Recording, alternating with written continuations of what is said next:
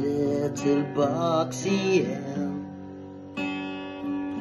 Linus på baslinjen Jag sög på det tillbaka igen.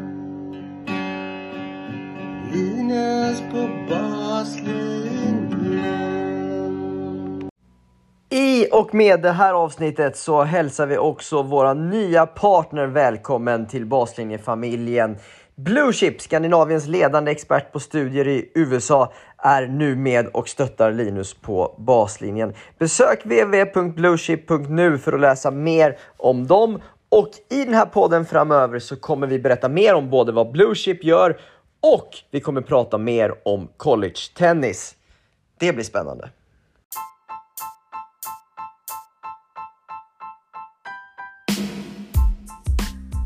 Då är vi här för ett specialavsnitt inför Davis Cup-helgen där eh, vi gästas av, eller snarare där vi fick sitta ner med Johan Hedsberg och prata lite om eh, veckan som har varit hittills med träningarna på, i Kungliga Tennishallen. Vi pratar lite om laguttagningen, vi pratar lite om hur det är att coacha på banan. Vi pratar lite om vad han och eh, vad, vad han kan lära sig av Thomas Enqvist som är ny Davis Cup-tränare. Och eh, vi pratar om lite annat smått och gott helt enkelt. Johan Hedsberg, superkompetent och trevlig förbundskapten, eh, eller Davis Cup-kapten. Så eh, alltid kul att prata, prata tennis och ledarskap med Hedsberg. Så ja, det är inte så mycket att dra ut på, utan vi kör igång det här specialavsnittet inför Davis Cup med Sveriges Davis Cup-kapten Johan Hedsberg, som normalt sett är eh, coach på Good to Great Tennis Academy. Eh, Johan Hedsberg, eh, hur har eh, veckan varit hittills? Den har varit bra, tycker jag. Det har, nej men det har flyttit på, så att, eh, helt okej. Helt okej? Ja, vi vet aldrig hur bra det har varit förrän vi ser resultatet på helgen, men, eh, men eh, so far so good. So far so good. Eh, jag tänkte fråga lite om eh, laguttagningen. Mm. Eh, kommer det bli en extra lätt uttagning den här gången? Med två bröder som känns givna och två kanske dubbelspecialister lite i laget? Mm, ja, alltså om, om bröderna är, friska, vilket de är just nu, Mm. så är de väldigt naturliga i dubben. Ja. Nej, eller dubben, vad säger jag, i singeln. Och, eh, men eh, alltså, vi, vi brottas ju med det här fortfarande, hur vi ska göra med dubben. Jag menar, vi, vi får komma ihåg att Elias och Mikael tillsammans ändå har vunnit en ATP-titel i dubbel. det är inte illa. Nej, och de är, de är, alltså, de är bra där också. Så, Mm. att, eh, så vi håller på och stångas lite med det fortfarande, hur vi, hur vi ska kombinera upp det där. Och liksom, som sagt var, alla är fräscha nu, vi har inga skador. Vi har inget sånt här, det känns lite sådär, jag skulle kunna gå sönder. Så att, eh, Så du är positiv men gör ditt jobb svårare också då? Ja, ja. Och, och det är ju bra. Det är bra om det är svårt, om du har mycket att välja på. Ja. Det är mycket bättre än att om du inte har några Såklart. alternativ. Så att Men känns det som bröderna ihop då i dubbel? det, är, det är ett alternativ, utan tvekan. Mm. Eh, Ett annat alternativ är, vi har ju två bra dubbelspecialister också. Mm. Ska man sätta dem ihop, är det det bästa? Ska man sätta en, en av bröderna, en Mm. av dubbelspecialisterna? Så att, alltså vi är inte riktigt hemma ännu. Vi, börjar ju, vi, vi funderar jag och Thomas fortfarande. Ja, just det. Eh, Dragos Madaras är inte med i truppen den här gången. Nej. Tre raka singeltitlar. Ja. Eh, tre veckor i rad. Eh, Medan till exempel Leo inte gjort säsongsdebut än och, och Friberg kanske inte vunnit så mycket matcher. Ja. Hur har eh, ditt resonemang varit där kring Dragos den här gången? Ja, precis. Ehm, ja, den kan man ju definitivt fundera över såklart. Alltså, det finns alltid en, en fram och en baksida av det hela. Det är väl lite att det är inomhus här. Eh, Dragos gjorde ju en enormt bra insats i Bologna. Och liksom, så, så att det, är alltid, det är alltid svårt för eh, när man dessutom som Dragos är, förutom att man är så bra i tennis som han ändå är, som han nu har vunnit de här titlarna och så är han så bra att ha ett lag så, så eh, ingen, ingen, lätt, eh, ingen lätt uttagning alls alltså. Nej, så jag förstår det. Jätteknepig. Det, är- Men var det underlaget som avgjorde den här gången? Ja, det var det. Och vi var lite... Det, det skulle jag säga var den, den stora saken. Så att, eh, och, eh, ja, det var väl inte riktigt meningen att jag skulle göra matchen egentligen heller. Alltså, så att, eh, Okej. det, men eh, Hur menar du då? Ja, Alltså det, alltså det är ju, Robin skulle ju egentligen ta den, men, men han, han behövde... Vi ska inte, vi ska inte prata om, om Robin nu då. Så att, men det blev... Så det blev sent påkallat? Det blev hyfsat sent, även om jag någonstans förstod att det mentalt det skulle kunna bli. Men Okej. när det väl blir så... Ja, jag så förstår. att, eh, mm. All right. Eh, hur, hur mycket spelade in i uttagningen av den här första truppen att, eh, att till exempel Leo sannolikt är den som drar mest medialt intresse och uppmärksamhet? Är det något som du tar med i beräkningen? Nej, inte jag. Det, det gör jag Inte alls? Nej, inte alls. Nej. Inte för min del. Det, här tänker jag att här måste vi bara maxa. Här måste vi maxa resultaten så får andra liksom Ja. stå för sådana bitar som, som, som har det mediala och den biten på sitt Ja, bord. Just det. Just det. Eh, sista frågan om uttagningen där. Eh, för, för vissa av spelarna, inte alla, men Mm. för vissa av spelarna kan ju en uttagning i Davis Cup betyda ett finansiellt tillskott som är ganska betydande ibland. Eh, hur mycket spelar såna, sånt in när du tar ut till exempel en spelare som kanske troligtvis inte kommer spela? Att man hjälper den spelarens satsning. Ja, Förstår det, du vad jag menar? Jag förstår precis hur du menar. Och, eh, jag får ju inte tänka så, men, men, eh, men det är klart att jag tänker så. Och, eh, exempel från Bologna, då hade vi ju då hade, jag alltså, då hade ju Dragos varit skadad länge.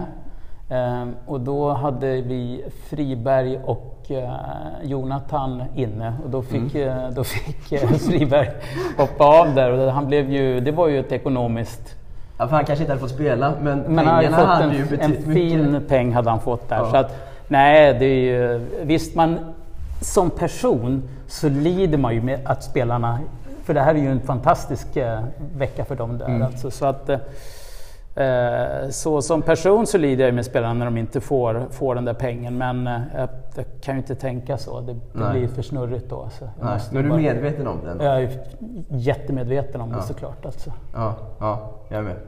Eh, berätta lite om din och, och, och Enqvists roll under en vecka här. Hur, hur mycket jobbar ni med, med spelarnas liksom, tennis kontra att få dem att må bra inför Mm. en sån här helg?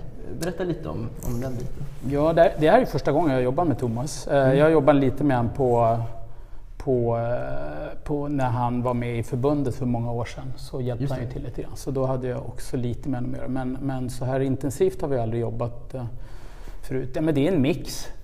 Det är klart att mycket handlar ju om att, att få ut det spelarna har i sig och då, då är det viktigt att må bra. Men, men eh, Thomas har tränat, eh, han har varit ansvarig för träningen. Det heter ju DC-tränare. Så, så han, är ju, han jobbar ju med deras tennis också, självklart. Alltså. Mm. Och hur mycket går du in och, och pratar liksom om Alltså hur mycket går du in och försöker hjälpa dem att utvecklas under sådana här dagar? Eller är det mest att bevakar, vad vill ni göra? Ja, Ja, för det är väl en annorlunda roll kontra när du är på GTG Ja, det är, jätte, det är jättestor Ja. skillnad. Här, här kan vi ju liksom... Nu är ju de här äldre duktigare och så, så det blir ju mer detaljer såklart. Så att med lite små detaljer, men att börja pillra för mycket i saker som skulle kunna sätta sig i huvudet på en, på en samling på fyra dagar. Ja. Den, eh, det, det tror jag inte är så bra. Så att, eh, där Nej. får man försöka hitta en... Som vi sa, man får försöka hitta någon balans där, där du... Såklart, de ska ju känna att man blir bättre under en sån här vecka. Det är Ja. ju självklart målet. Men, men inte så att det blir så mycket information så att det blir helt stirrigt alltså. Så att, eh, men där tror jag, eh, där är ju Thomas, ju, eh, han har ju varit med den, här typen av spelare så mycket så han är väldigt skicklig på att balansera det där snacket. Ja, just det. Jag, tänk, jag tänkte just fråga dig, vad, vad tror du att du kan lära dig av Tompa under en sån här samling? Jag kan ju lära mig massor. Alltså. Han, han har ju... Eh, jag kan lära mig massor. Jag kan... Eh, alltså vi får, alltså, först så kan vi återigen, jag känner ju Thomas lite grann så jag Ja. vet ju en hel del om hans karriär. Ja. Men det kommer alltid fram någonting nytt. Det, det, alltså det kommer alltid fram någonting nytt om, om den egna karriären, om det han har varit med på Labour Cup, eh, jobbet med Sissipas och så vidare och, och hur han ser på tennis idag. Så att det är massor att lära och det finns massor att lära om hur... Nu har jag ju haft lite erfarenhet av sådana här eh, spelare på den här nivån så Ja. att jag är ju inte helt ny men, men det är klart att jag eh, ödmjukt suger åt med allt möjligt alltså. Mm. Som hur han pratar till dem, hur mycket, hur lite, vad han positionerar sig. Det, det, alltså det finns så mycket som helst, det är bara, det är bara upp till en själv. Ja, häftigt. Du, du har ju själv ett eh, fantastiskt facit med DC som kapten. Eh, kan, kan, kan du ge oss några nycklar som du tror att du har gjort bra under de här åren som DC-kapten? Jag tror... Det är, svårt, alltså du vet, det är svårt att se det utifrån. Jag ser det inte utifrån, jag är så inne i det. Men, Men vad tror du? men jag tror att jag... eh, Jag tror att... För det är ett bra facit. Ja, det är det ju. Det får jag ju säga. Även om, ja. Eh, Jag tror att varje person, det låter så klyschigt, men varje person måste på något vis känna sig betydelsefull. Varje person måste på, på något vis ta ansvar och maxa sin roll oberoende om du ska spela alla matcher eller om du inte ska spela en match. Ehm, och jag tror på att skapa någon typ av trygghet där man faktiskt kan, kan och får misslyckas i laget. För då vågar du mer och vågar du mer så blir du en bättre spelare. Om du inte blir slarvig då, men det, det är inte samma sak. Så jag tror jag har varit ganska bra på att, att få laget att känna sig trygg. Jag kanske har varit ganska bra på att få ihop hela... Jag tycker jag har haft en bra eh, trupp. Och då menar jag inte bara spelarna. Jag tycker att det har varit bra. Jag tycker massörerna, jag tycker tränaren, jag tycker folk runt har varit Ja. har jobbat tillsammans. Det tror jag är superviktigt. Alltså det är ju, jag menar, lag är lag och individuellt är individuellt. Sen är det ju såklart individuellt här också. Så, Men hur, mycket, hur, mycket, hur stor roll har du i det då? Att få det laget att funka så bra tillsammans? mm, ja, det är väl en... Alltså någonstans så är jag ju chef över det, jag är ju kapten. Så det är ju jag som... som normalt sett så ska jag ju få välja vilka personer jag vill ha Ja, i, mitt, eh, i min trupp. just det, precis. Och sen så får jag väl försöka någonstans där då ha tillräckligt mycket ödmjukhet för att släppa fram varje person och eventuellt bromsa om det är någon som skulle göra för mycket. Sådana saker. Jag tycker vi har scoutat bra också på motståndare och så. Tagit, jag känner ju många som är, har varit där, som är där ute, som känner mycket spelare så att vi har liksom jag har tagit in info så också. Så du använder ditt kontaktnät? Jag använder kontaktnätet. Det var jätteschyssta av våra coacher som du vet, som har generöst Ja. haft... B- både svenska och utländska Ja, coacher? ja. Häftigt. Under matcherna då? eh, Du, har ju ganska mycket rutin nu från, eh, från Davis Cup till exempel. Hur, hur är din filosofi när det gäller coachandet på bänken under matcherna? Det beror på vilken spelaren är. Försöka känna in spelaren, hur mycket den vill ha och situationen. Alltså, även om en spelare säger jag vill ha lite eller mycket så, så kommer det variera. Det kommer pulsera under matchen. Ja, ja. Så jag försöker vara med där och, och, och försöker få en, om jag tror att här ska vi ge mer och, och vara lyhörd där också. Både med om, om spelaren säger någonting men också om den inte säger någonting. Ibland kan man i sitt kroppsspråk visa att jag vill ha mer eller mindre eller vad det nu skulle kunna vara. Men om du då känner att så här, men jag vill verkligen förmedla det här nu. Och så ser du på spelaren, nej den vill helst sitta själv nu. Hur, hur gör du den avvägningen då? Om jag, om jag tror att ah, men det här, okej, jag skulle gärna vilja säga det men jag är inte säker på att det, att det är helt, helt nödvändigt. Då släpper jag det. Men om jag ser att alltså här, här vill den inte ha, men den vill inte, den vill inte ha för den flyr från situationen. Då går jag in. Okej, okej, 100 procent. Annars gör jag inte mitt jobb. okej, okej, okej. Det måste. Och, och hur mycket kontakt har du med bänken under matcherna när det gäller att diskutera taktiska bitar Mycket, och så? mycket. Jag, vill ha, jag vill att alla är med på bänken. Jag vill att alla engagerar sig. Det här, här har du det här med gruppdynamiken. Ja, just det. Här, alla är en del av det här. Sen, kan jag inte, sen pratar jag inte med bänken, för det, det är helt omöjligt. För då blir det, då blir det soppa. Ja, det utan, utan bänken får samla ihop information. I det här fallet får de ge till Thomas. Mm. Thomas säger till mig och sen så får jag se vad jag kan ta med mig och eh, vad, jag, vad jag hinner förmedla och vad jag tycker jag ska förmedla. Ja, just det. Hur viktiga är de övriga spelarna som sitter på bänken under matcherna? I, i att skapa tändningen, tänker jag. Ja. Atmosfären, eh, Ja. engagemanget. Alltså jätteviktigt. Precis, det, här, det är det här som jag menar med att alla måste göra sin, sin roll eh, fullt ut. Och vi, alltså, vissa är grym på tändning och stötta och vissa kommer med input eh, som de ger då till förut Jonas och nu eh, Thomas. Då, så att, eh, nej, det, alltså, du vet, det är det här som är saken. Att, det är inte bara att sätta sig ner där, för då har man inte förstått sin roll. Det är inte bara att du vet, som du säger, även om jag inte spelar en minut, utan jag bara bollar in och tränar, så, så, så är det så mycket mer. Och det är så mycket mer, det, det vad händer i omklädningsrummet. Du, alltså, du kan göra jätteskillnad med att ha en, ha en person, eller några personer som, som bidrar. Mm, mm. Just det. Viktigt.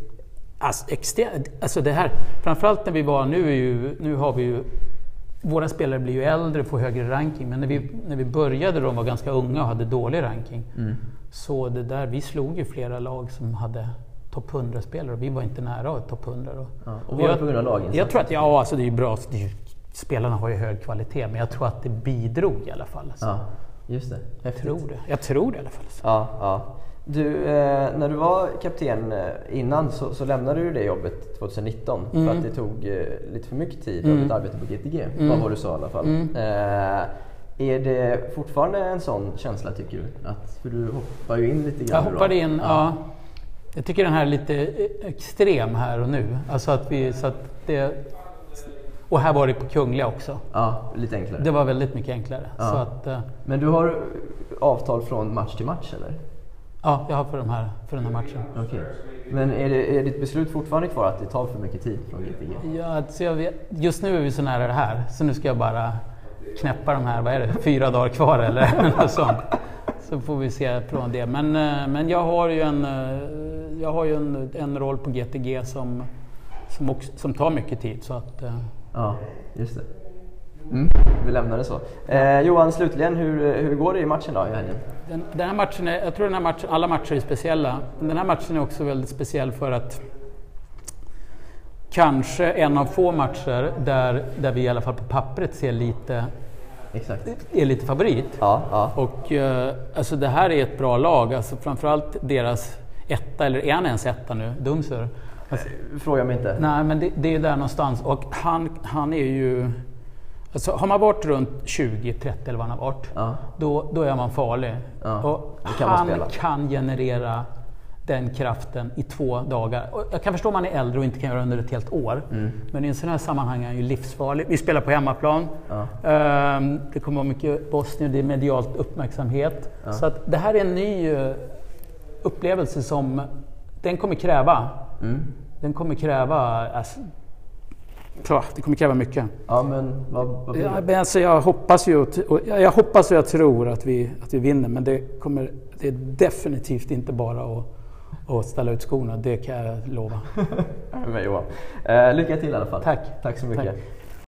Ett av de svåraste slagen i tennisen, men också ett av de absolut viktigaste, är ju serven.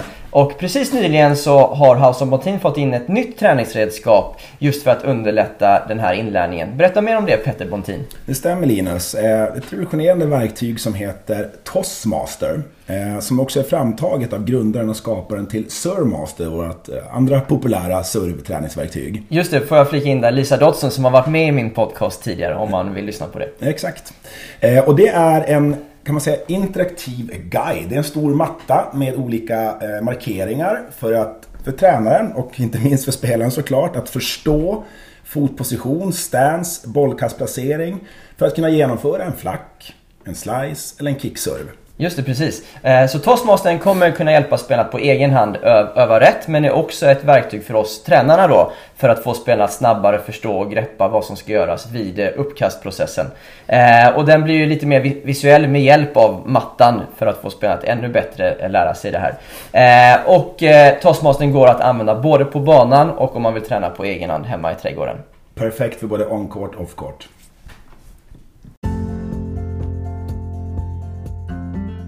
Som alltid extremt kul att prata med Johan Hedsberg och eh, har ni inte lyssnat på det fulla avsnittet med honom från säsong 1 så gå tillbaka och gör det.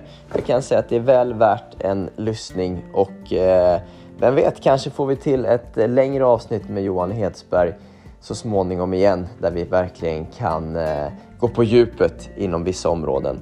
Nu önskar vi Sverige stort lycka till i Davis Cup och eh, vi släpper ett eh, Nytt avsnitt som vanligt på måndag kväll.